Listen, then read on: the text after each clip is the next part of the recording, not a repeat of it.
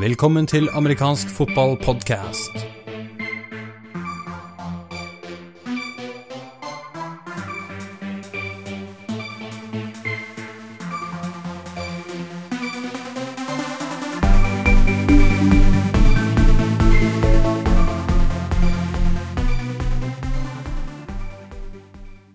Velkommen til episode 12 av amerikansk fotballpodkast. Mitt navn er Jarl Magnus Henriksen. Jeg er programleder sammen med Patrick Hamøy.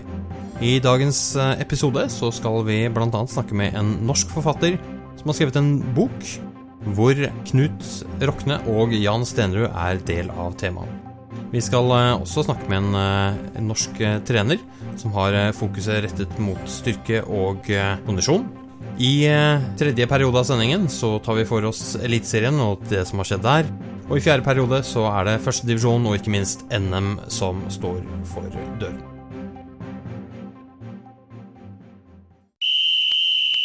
Da er vi klare for første periode av dagens sending.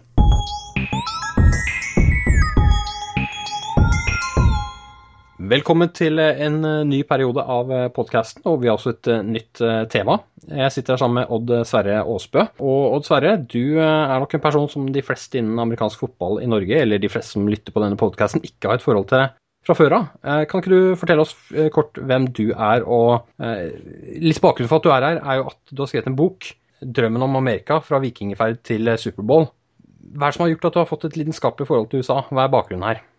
Ja, eh, først og fremst må jeg si takk for at jeg fikk komme. Eh, veldig hyggelig. Eh, nei, mitt navn er Odd Sverre Aase, som sagt. Eh, den 24. juni så lanserer vi en ny bok som heter eh, 'Drømmen om Amerika'. Og mitt forhold til USA har alltid vært eh, vel, ja, relativt intenst. Helt fra jeg var liten så har jeg vært veldig fascinert av USA.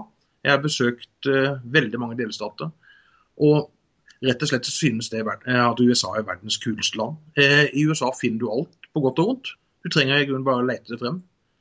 Så det handler også om liksom, min egen familie. Altså Bestefaren min han eh, emigrerte i 1923 sammen med sine to brødre.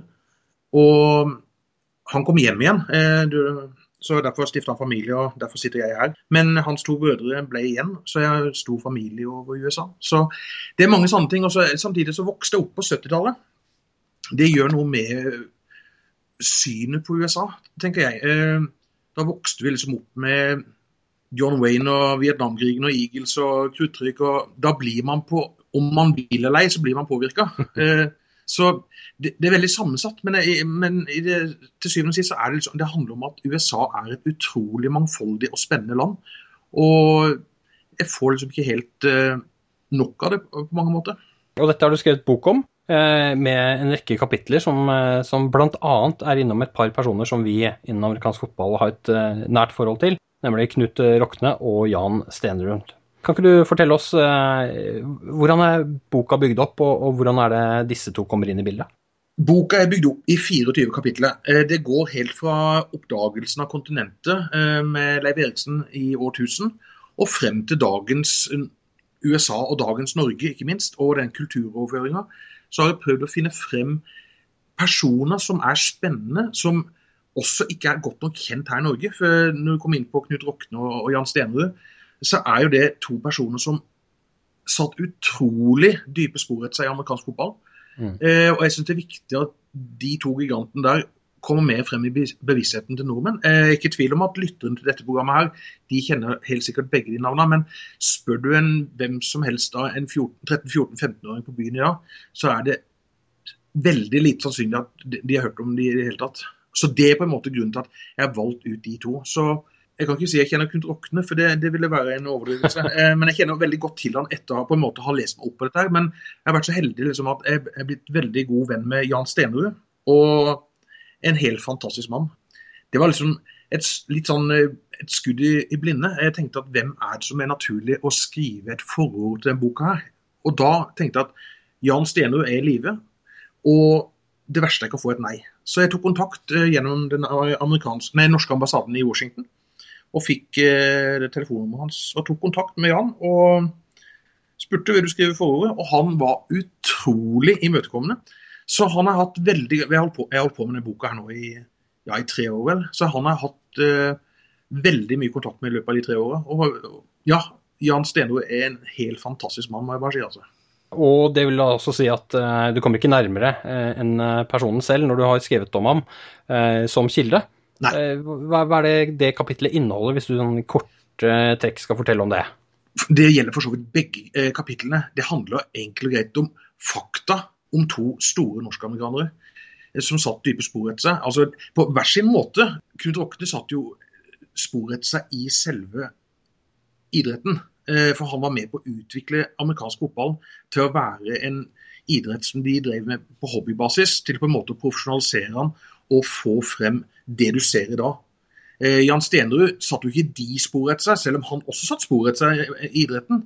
Altså, Han hadde jo et såpass kraftig bein at han pressa på en måte NFL til å, å pushe den der Nå er ikke så veldig innafor den amerikanske fotballteknologien, men eh, den er eh, Nå må kanskje du hjelpe meg litt. Hva mm. heter det for? Den der linja de, de skyter fra? Kickoff-linja? Ja. Mm. Den, den, ble jo eh, eh, satt var det, i hvert fall noen yards tilbake et, et, grunn av, han. Så han har vært med, også med på å, å sette spor etter seg, men på en helt annen måte enn Knut Rokten, selvfølgelig. Men han har jo hatt en helt eventyrlig karriere. Fra han debuterte på Kansas City Chiefs i 67 og frem til han la opp, så, så står han vel, så vidt jeg husker, med én spiller foran seg på all time scoringslista med 1600 og noen poeng. Han har i hvert fall gjort uh, veldig mye poeng, og, og uh, første rene kicker i Hall of Fame. Fantastisk uh, karriere, det er det ingen tvil om. Eh, du har sagt med han eh, research til kapitlet om eh, Knut Rokne. Du har lest opp, eller hvordan har dette foregått? Ja, jeg har lest meg opp, for det har jo vært det er masse litteratur, spesielt på engelsk eller på amerikansk. Der er det masse litteratur på han. Men så har jeg også hatt et veldig godt samarbeid med noe som heter Vesterhem, som er et museum. Det heter Western Norwegian American Museum, det største museet i USA basert på norsk kultur. Mm. Så de har jeg hatt masse kontakt med. Og så har jeg hatt ja, det er en haug med bøker. og så det, Der går det på en litt annen type research med Knut Rokne. Nå er det også sånn at eh, Du nevnte at det er boklansering den 24.6, fredag 24.6. Og det skjer på eh, en festival på Vanse, eller på Lista. Kan ikke du fortelle oss eh, hva er det det går i, hva er det som skjer der? For de av dere som aldri har vært på American Festival, eller aldri vært på Vanse, må jeg bare anbefale en tur. Det er vel det mest amerikanske miljøet du finner, eh, om du ser bort fra Texas, kanskje. Eh, der er gatenavn, det er navn på personer. Har, mange har fremdeles 110 volt i husene. fordi at det som var noe av greia med akkurat det, det området av Norge, det at det var veldig mange som emigrerte. Men forskjellen på resten av landet, så ble de stort sett i USA. Eh, på Vanse så flytta nesten alle hjem igjen. Og de tok hjem tomhendt. Altså, jeg tenker ikke på dollar, men altså, de tok med seg en levemåte, de tok med seg kultur. Så at du har et uh, kulturelt uh, opplegg på Vanse og Lista-området som er helt unikt i Norge. Der er det høy cowboyhatt-faktor. Altså for at når jeg har vært en del i USA, så, så, blir det jo til at man ser jo litt og leiter litt etter de cowboyene. Uh, men de er det jo ikke så mange av i USA. Mm.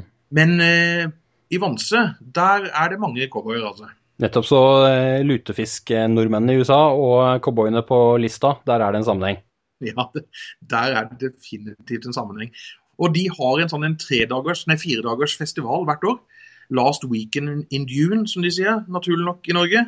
Og den er nå 23. Eh, til 27. juni.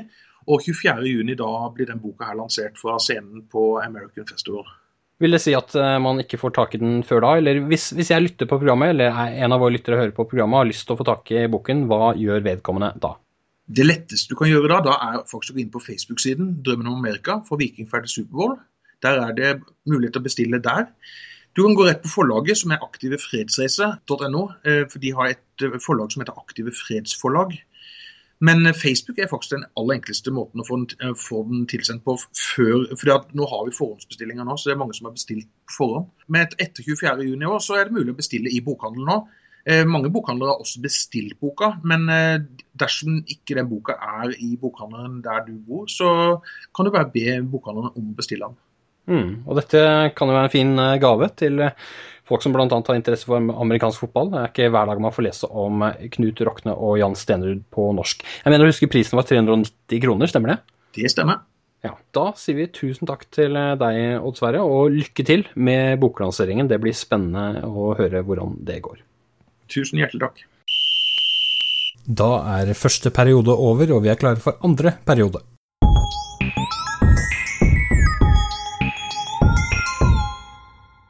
Og da er vi i gang med en ny sekvens av amerikansk fotballpodkast. Denne sekvensen så skal vi ta for oss eh, styrke og kondisjon innen eh, amerikansk fotball. Og i den forbindelse så har jeg vært så heldig å få med meg Petter Vogt, styrke- og kondisjonstrener hos Oslo Vikings. Velkommen, Petter.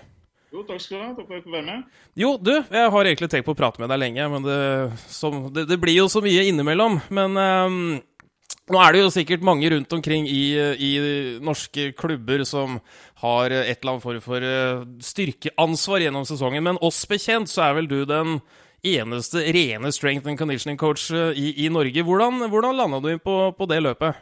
Oh, jeg, jeg, plutselig var jeg 26 år gammel, da, og så hadde jeg ikke studert ennå. Og så tenkte jeg hva skal jeg studere? og da, Jeg er jo glad i idrett og har alltid drevet med det. Og tenkte at da må jeg finne meg et bra idrettsstudie. Og da var det til Australia.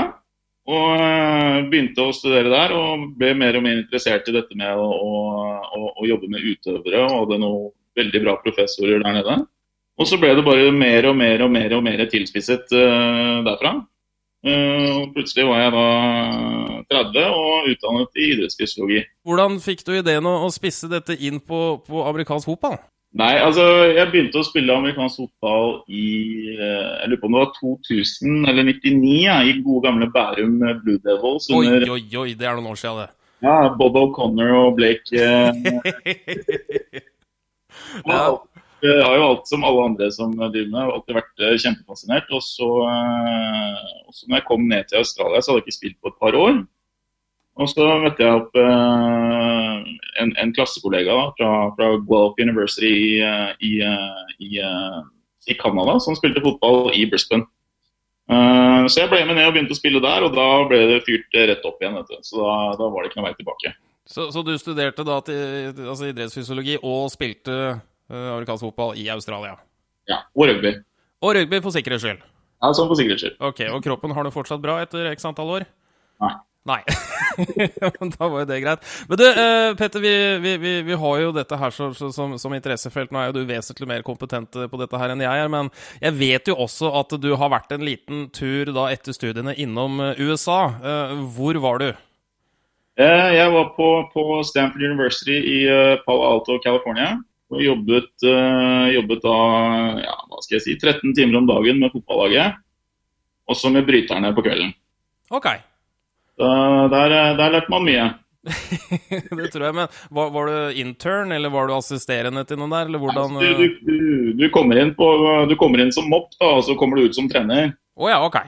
Ja, så Du starter, du er intern, eh, og, men du har ikke noe stemme eller noen ting. Du bare går rundt og lærer og lærer og lærer og i en par måneders tid. Og så, og så får du mer og mer ansvar. Og Etter hvert som, eh, som oppsisen går, så kommer også NFL-spillerne tilbake, og sånne ting, så du jobber mye med de også.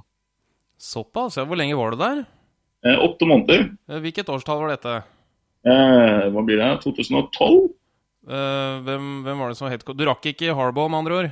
Nei, jeg bare møtte han. Eh, det var førsteåret til, til coach A. Og uh, veldig ja, Jeg har vel ikke møtt tilsvarende person i Norge som har sånn aura rundt seg som han, men fantastisk fyr. Du har da en gang eh, møtt han, om ikke det var for så veldig lenge, og det tror jeg mer enn de fleste av, av oss kan si. Men eh, på et eller annet tidspunkt da, så eh, avsluttet oppholdet i USA og vendte nesa hjemover. Og til Ja, du hadde tydeligvis lyst til å fortsette med, med dette her. Når kom du tilbake, og hva, hva begynte du med da?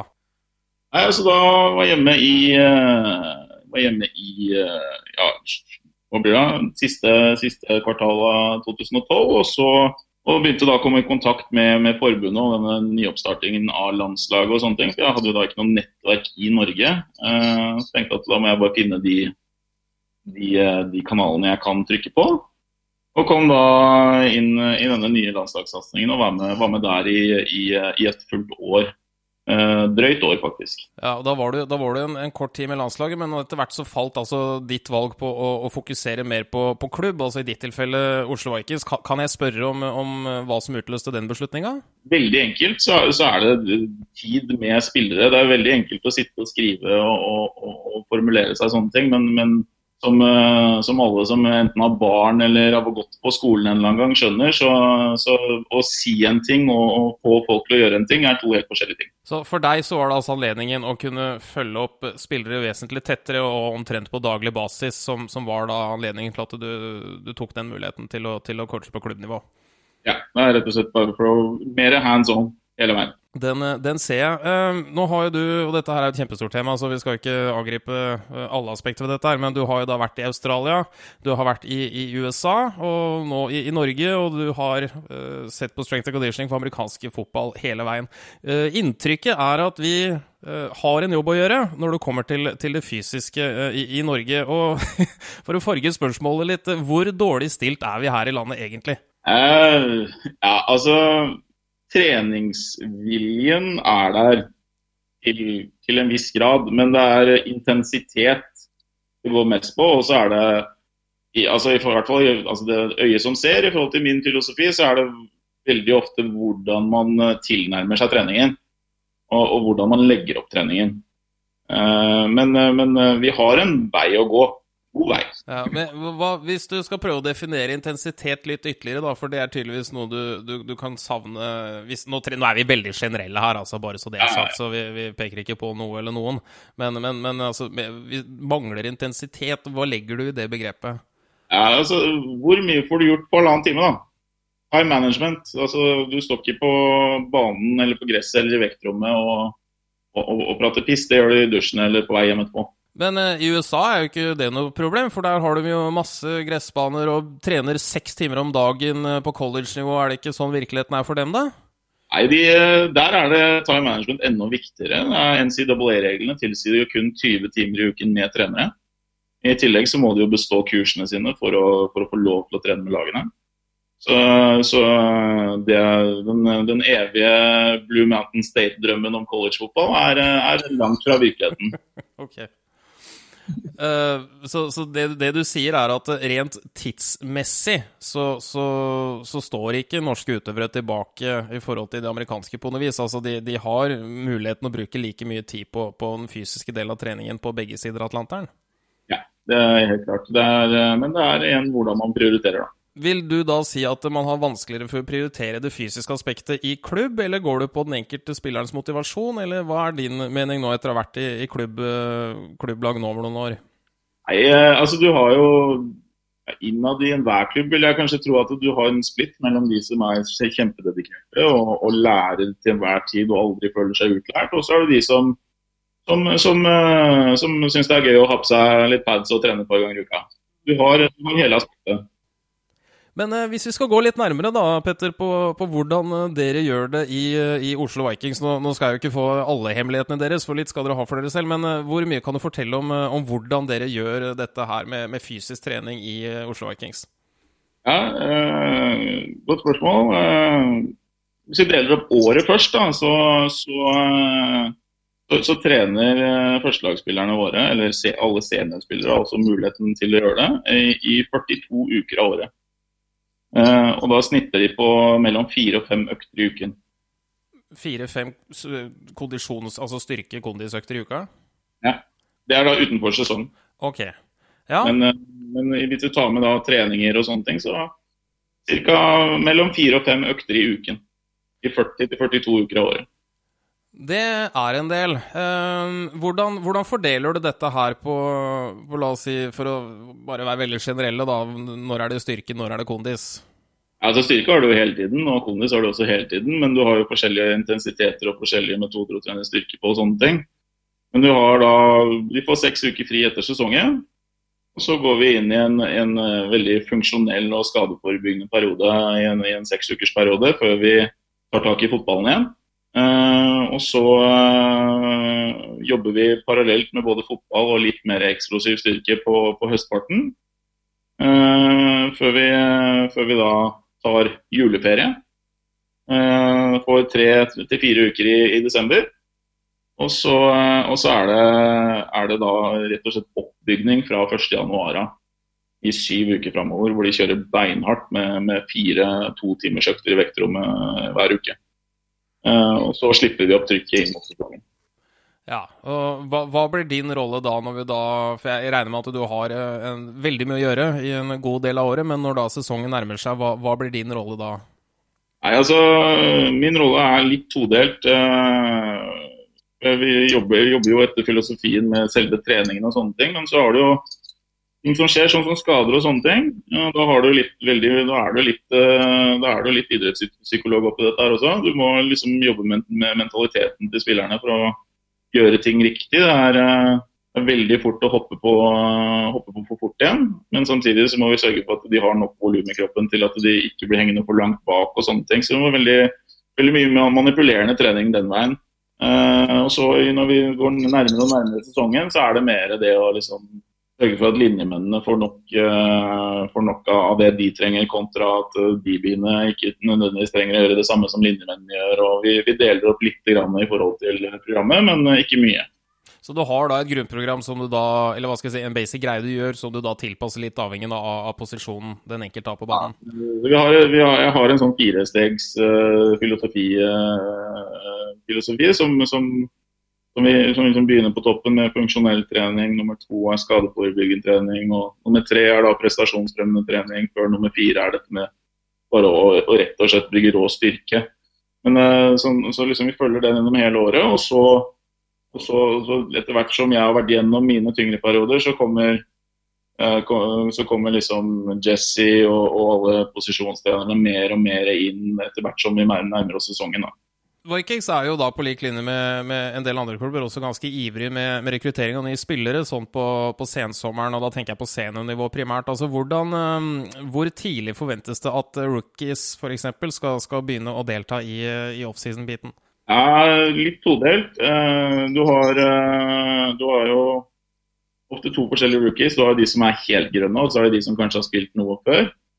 Eh, men vi, vi, kommer til å gå, vi kommer til å kjøre en, en todelt hvor at rookiene ikke kommer inn i dette råkjøret med en gang, men får et halvt år på seg på å bygge opp litt grunnstyrke og grunnteknikk, ikke minst. Og lære seg dette med litt regler og hvordan ballen beveger seg, hvordan flyten av spillet er og, og sånne ting.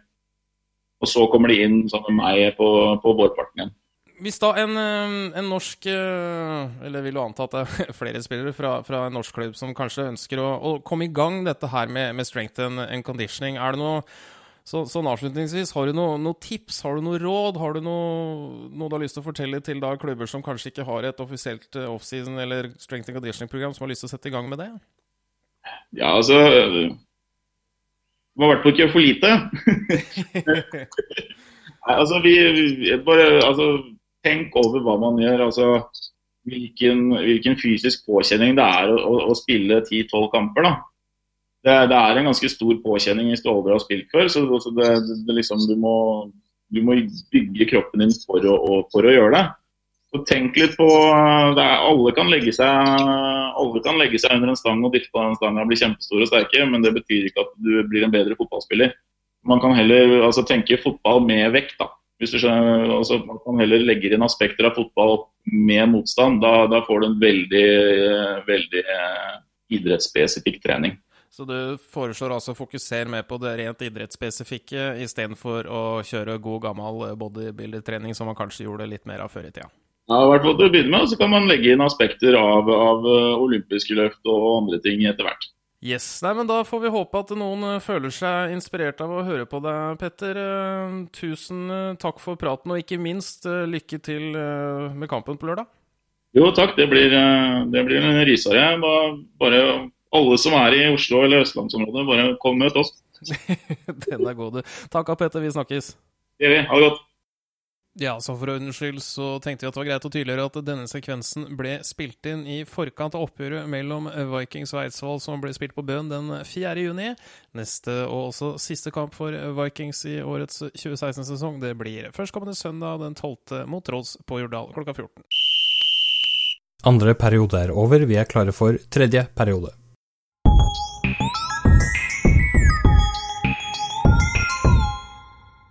Og velkommen tilbake til amerikansk fotballpodkast. Mitt navn er Patrick Hamnøy. Med meg i dag har jeg Jarle Magnus Henriksen. Velkommen. Takk for det. Morten Midtsund, velkommen. Takk for det. Vi åpner ballet med å ta for oss veien til NM-gull, og vi begynner med Eliteserien. Og vi skal ta for oss de kampene som har vært avviklet siden forrige podkast. Disse kampene er da i rekkefølge. Vikings mot Bulls vant 30-19 den 28. mai. 4. juni spilte Bulls hjemme mot Trolls og vant 29-13. Og den 5. juni så møtte 1814s Vikings på Bøen og tapte 6-14. Jarle Magnus, vi begynner med Oslo Vikings mot Lura Bull, som ble spilt på Frogner den 28. mai. Vikings stakk med seieren i denne kampen, kanskje noe overraskende for noen. Du så kampen, hva kan du fortelle oss? At Vikings uh, har funnet mer rytmen i, i angrepsspillet sitt. Uh, fikk utnytta svakhetene til, til Lura Bulls. Um, og ja, de er, de er, habile nok på defense. Det var ikke fantastisk habile mot Lura på alt. Lura hadde 236 passing yards i den kampen. Men når de selv ja, rett og slett har De hadde 384 total yards i, i den kampen eh, med offense, og Lura hadde nok eh, puntsituasjoner til at eh, Vikings dermed hadde overtaket, og vant med 11 poengs eh, margin.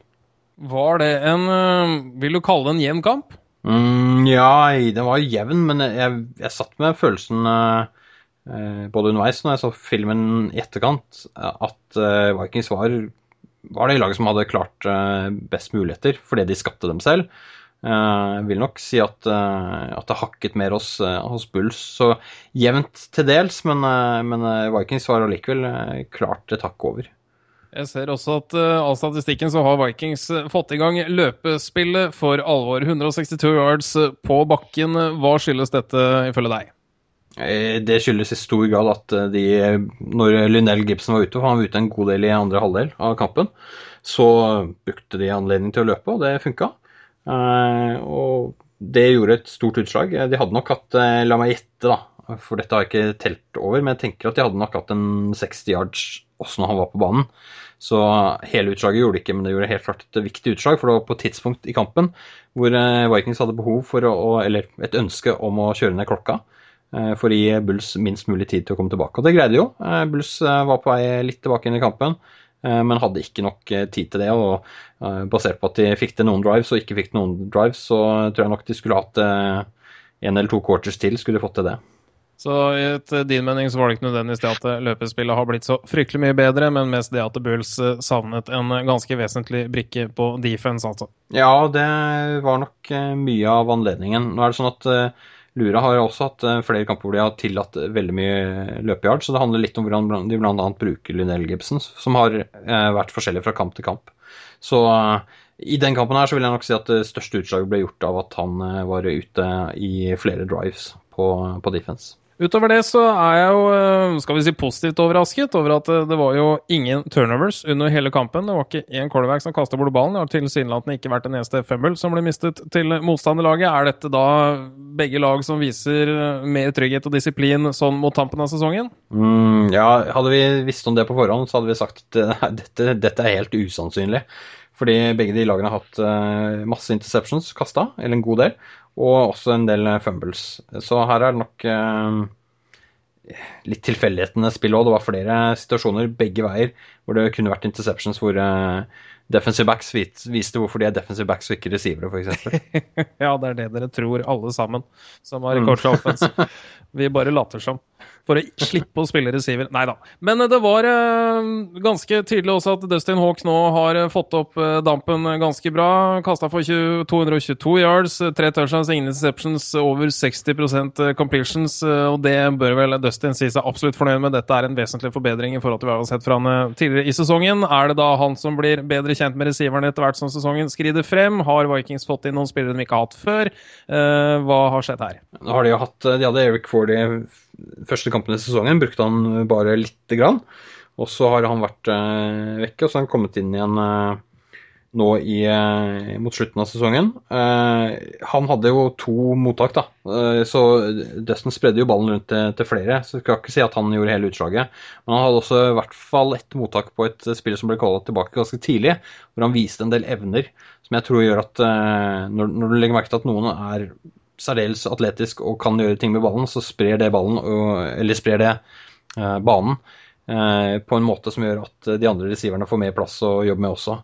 Eh, så, um, så det at det defensive fokuset trekker mot Trolls og åpner for alle andre, er det du prøver å si, kanskje?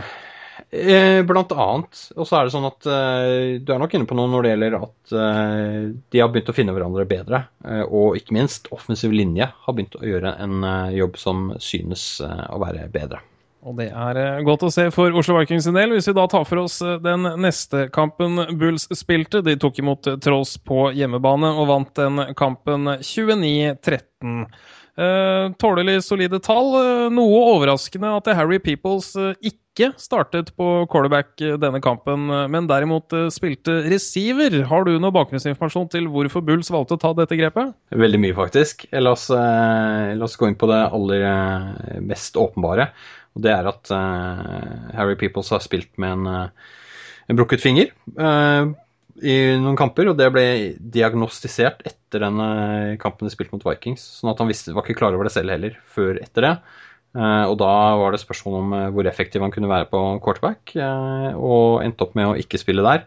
Uh, spilte receiver i store deler av kampen. Når jeg sier store deler, så er det fordi han spilte vel egentlig ikke noe i første quarter i det hele tatt. Jeg er litt usikker på om han kom inn på siste driven der, eller om det var, vi var over i andre quarter.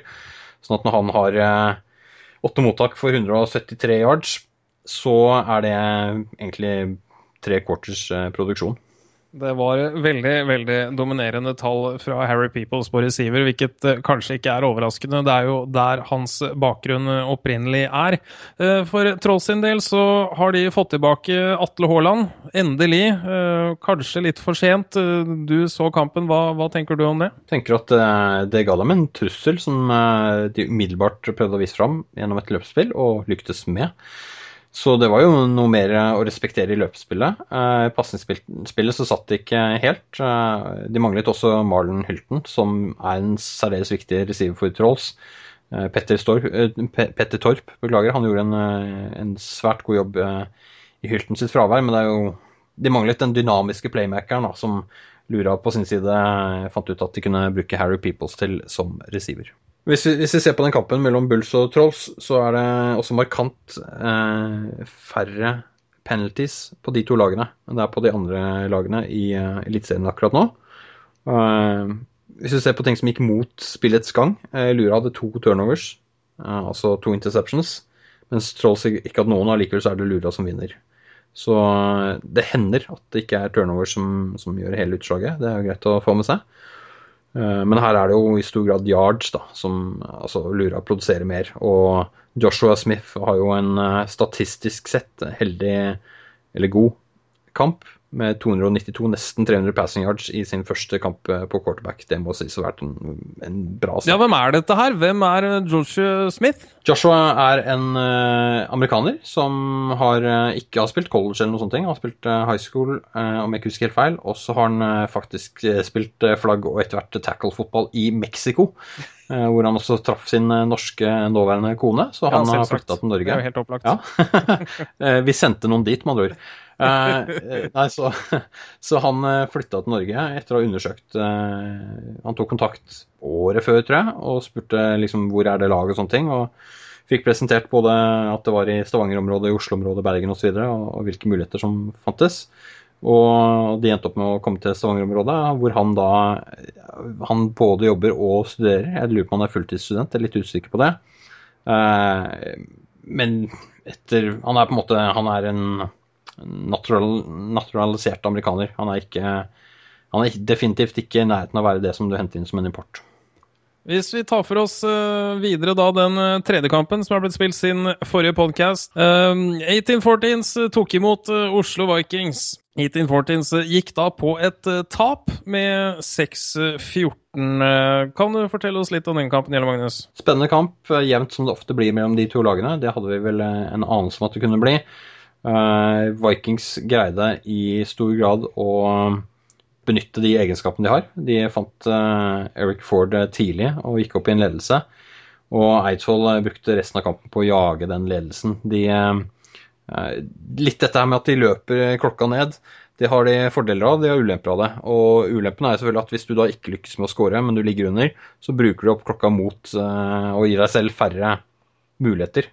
Uh, og det var det som skjedde i den kampen, sånn at de gikk jo rett og slett tom for tid etter hvert. Men Eidsvoll uh, fikk jo gjennomført vesentlig flere spill enn det Vikings gjorde, og likevel ikke klarte å utnytte det. Hadde Eidsvoll en dårlig Riktig. dag, eller er det da Vikings som uh, virkelig ser ut til å ha tatt et steg videre nå? Ja, De har tatt et steg videre, det er ikke tvil om det.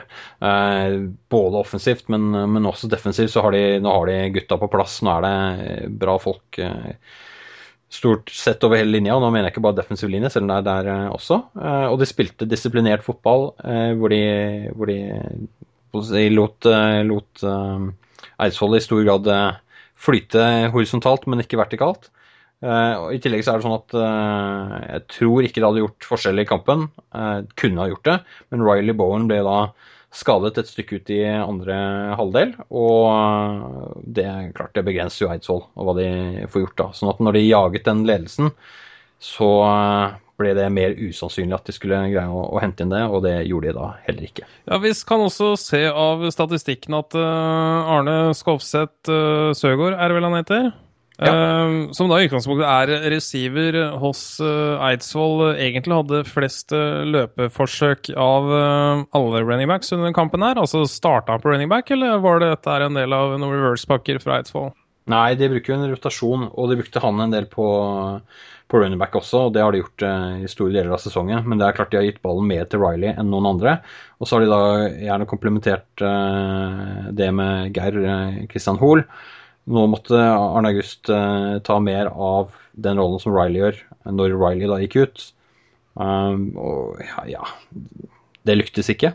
Uh, og det, det, er klart Eidsvoll har jo også det problemet at uh, når de kommer bakpå så, og skal begynne å kaste og sånne ting, så, så har de lav prosent completions og um, er liksom ikke den trusselen som uh, f.eks. Vikings er i pasningsspillet. Så da, da, blir det fryktelig vanskelig, og det har vi snakket om siden i fjor, i hvert fall om at det er en situasjon som de eh, nok eh, kan være litt svake i. Og det, det var jo det som skjedde her, da. Ja, det ble, det ble, veldig tydelig, akkurat det der. Og vi får uh, ikke minst uh, trekke fram da nok en gang quarterbacken uh, Dustin Hawkeway fra Vikings som gjorde en meget god kamp med 70 mm. vellykkede pasningsforsøk. Men da ikke minst Eric Ford med sine fem mottak for 157 yards, hvilket egentlig ikke er så langt unna tallene som Harry Peoples hadde for Lura som receiver. Forteller det oss om kompetansen til Eric Ford? Ja, det gjør det. Eh, og, og, ikke minst kombinasjonen Altså, han har jo en quarterback som er, eh, er en veldig god quarterback når han først eh, er inne i, i, situasjonen hvor han liksom får ting til, og det var han ikke i begynnelsen av sesongen. Og nå, er, nå sitter det. Og når han er oppe i 70% completions, da skal det mye til for å stoppe det laget, altså. Det er fullt mulig. De fikk bare 14 poeng totalt. Men klart, de behøvde heller ikke gjøre noe mer enn å kjøre klokke etter hvert for å liksom eh, balansere. Og når Riley Bowen i tillegg gikk ut, så ble det litt som når Lindell Gibson gikk ut eh, kampen før for Vikings sin del. Da kan de kjøre en del eh, klokke, de også. Vi har da én kamp, eller hva skal vi si, én seriekamp igjen i Eliteserien for 2016. Den 12. juni så tar Trolls imot Oslo Vikings på Jordal. Eh, denne kampen eh, er jo egentlig viktig for eh, de fleste lagene i Eliteserien, unntatt for Trolls sin del. Hva kan vi se for oss for den kampen der, Jelle Magnus? Jeg håper og tror at Trolls stiller med alt de har igjen av krutt. Du nevner at de er det laget som kanskje har minst å, vinne på den kampen. Og det er, er interessant, for hvis det er liksom noen situasjoner hvor Vikings, Vikings, kan si at alle er mot oss, så ja, det er den kampen. Eh, fordi alle eliteserielagene har noe å vinne på at de taper, utenom dem. Eh, hvis Vikings vinner, så er de seriemestere. Eh, flott. Førsteplass. Hvis de taper, så har Eidsvoll noe å vinne på det, for da er de seriemester, noe de er storfornøyde med å være for tredje eller fjerde år på rad. Lura Bulls er vel kanskje det laget som har mest økonomisk å vinne på det. For det, hvis Vikings taper, så blir, så blir Bulls nummer to. Det betyr hjemmefordel i semifinale, og de slipper også å dra bort eh, i kvartfinale. Eh, så det betyr mye der. Trolls Ja, kan du si at de er det laget som har minst hengende på den, men hva er det Trolls står for? da? Det er one team, one family, ære. det betyr mye for dem, tror jeg. og spesielt også fordi de har invitert en veterandag, sånn at det sitter en del av de gamle gutta på tribunen. Da tror jeg at det bør gå en jævel i de fleste de Trolls på å prøve å vinne den kampen. Så jeg tror nok at, at det kan bli en bra kamp. hvis Trolls har eh, Atle Haaland på plass igjen, det tror jeg de har. Og de har eh, Marlon Hylten tilbake, det tror jeg også de har. Så har de jo eh, oppskriften, i tillegg til Petter Torp og resten av gjengen selvfølgelig, til å kunne, kunne, gi Vikings en kamp. Så tviler jeg på at Vikings har lyst til å være med på den greia der, for de har lyst til å bli seriemestere. Det har de, og jeg vil for øvrig også synes at det er et veldig kult opplegg som Trolls har gjort i forhold til veterandag. Også med veteraner mener vi tidligere spillere, trenere, som inviteres spesielt tilbake for å få med seg hvordan eh, det gamle laget deres da, ser ut nå.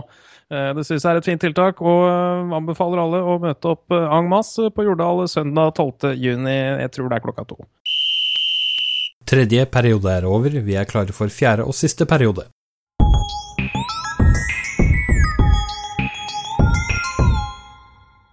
Og vi fortsetter videre i eh, kampen om NM-gullet og skal ta for oss eh, de kampene som har vært avviklet i førstedivisjon siden forrige podkast. Den 28. mai tok Haugesund Hurricanes imot Sarpsborg Olavs menn, og de vant den kampen, 38. Den 28. mai, samme dag, så tok Nidaros Dommers imot Åsane Seahawks, og det ble en soleklar seier til Dommers 36-0. Eh, Kommer tilbake til den. Den 4. juni ble det enda en eh, kamp spilt mellom Seahawks og Domers, denne gangen på Lillestrøm av alle steder. Eh, den vant også Domers, denne gangen noe mer knepent, 7-6. Uh, og Warriors tok imot Haugesund Hurricanes den 4. juni og tapte den kampen 10-20. Morten Midtsund, du er fortsatt med oss? Det er jeg. Du var og så kampen den 4. juni mellom Åsane Seahawks og Nidaros Dommers, som ble avviklet på Vigernesjordet i Lillestrøm. Hva kan du fortelle oss om den kampen? Eh, det var jo en morsom og spennende kamp. Eh, fordi eh, Trondheim, eh, Nidaros Dommers, de hadde jo ikke med seg eh, De mangla vel syv eller åtte mann. Eh, så man, laget bar preg av det. Eh, do, og så har du Seahawks, som hadde med seg fjorårets quarterback, vel. Uh, husker jeg ikke hva han heter for noe, men uh, Daniel Peter. Daniel Peter. Uh, og jeg syns han gjorde en veldig god innsats. Uh, kampen sett under ett, så var det veldig mye fram og tilbake. Det var Domers som trakk det, kort, det lengste strået til slutt men da var det en fire minutter av kampen eller noe sånt nå. Så det så, så ut som uh, Seahawks skulle vinne, men uh, Et spørsmål til deg, Morten. Ja. Du var jo på, til stede og var på sidelinja til Seahawks. Ja. De leda altså 6-0, så ble det 7-6. Hvor uh, bittert var det? Nei, altså uh, Kan ikke var... spørre om sånt, da. Det, jo, jo.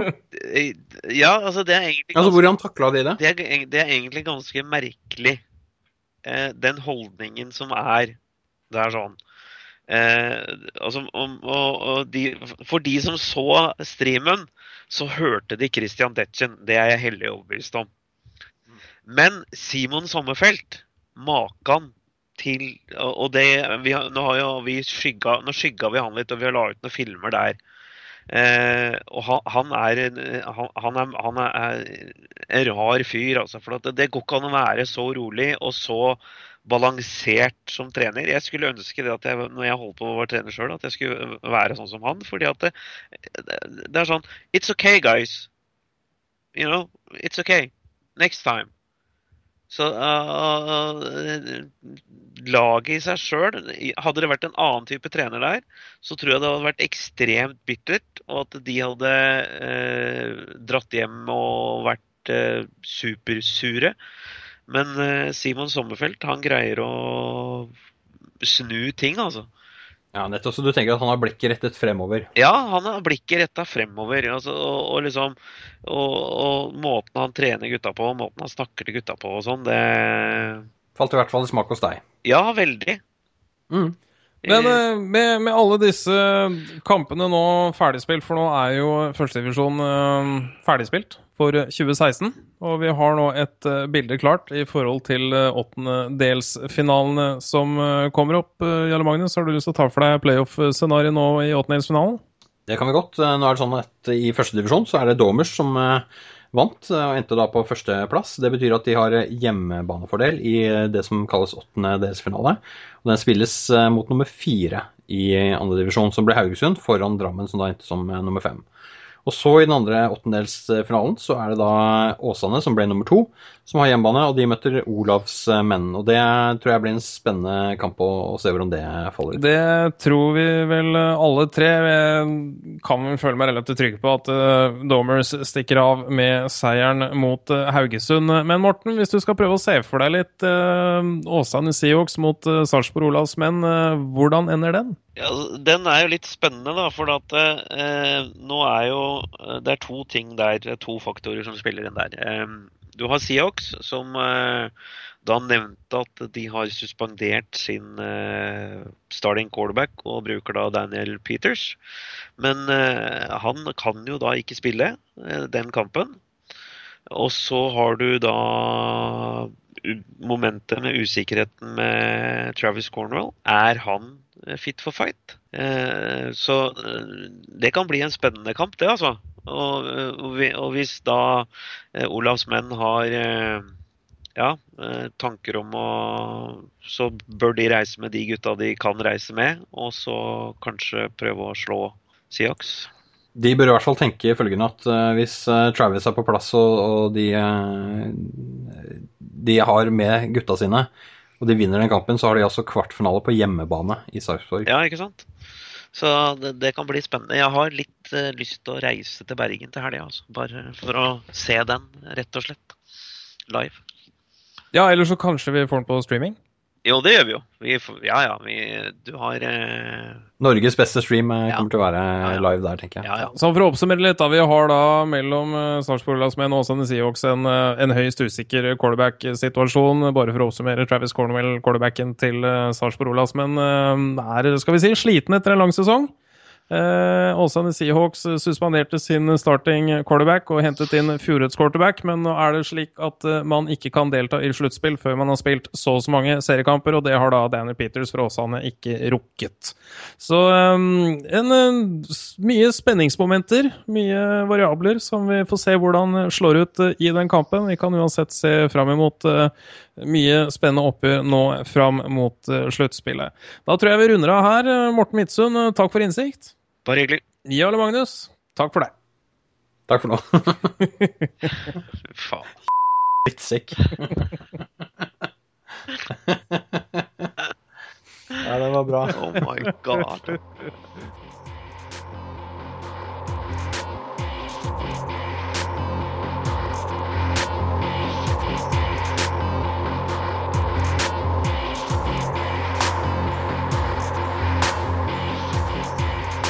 Amerikansk fotballpodkast er over for i dag. Vi takker for følget. Følg gjerne med på amfotball.com, så høres vi snart.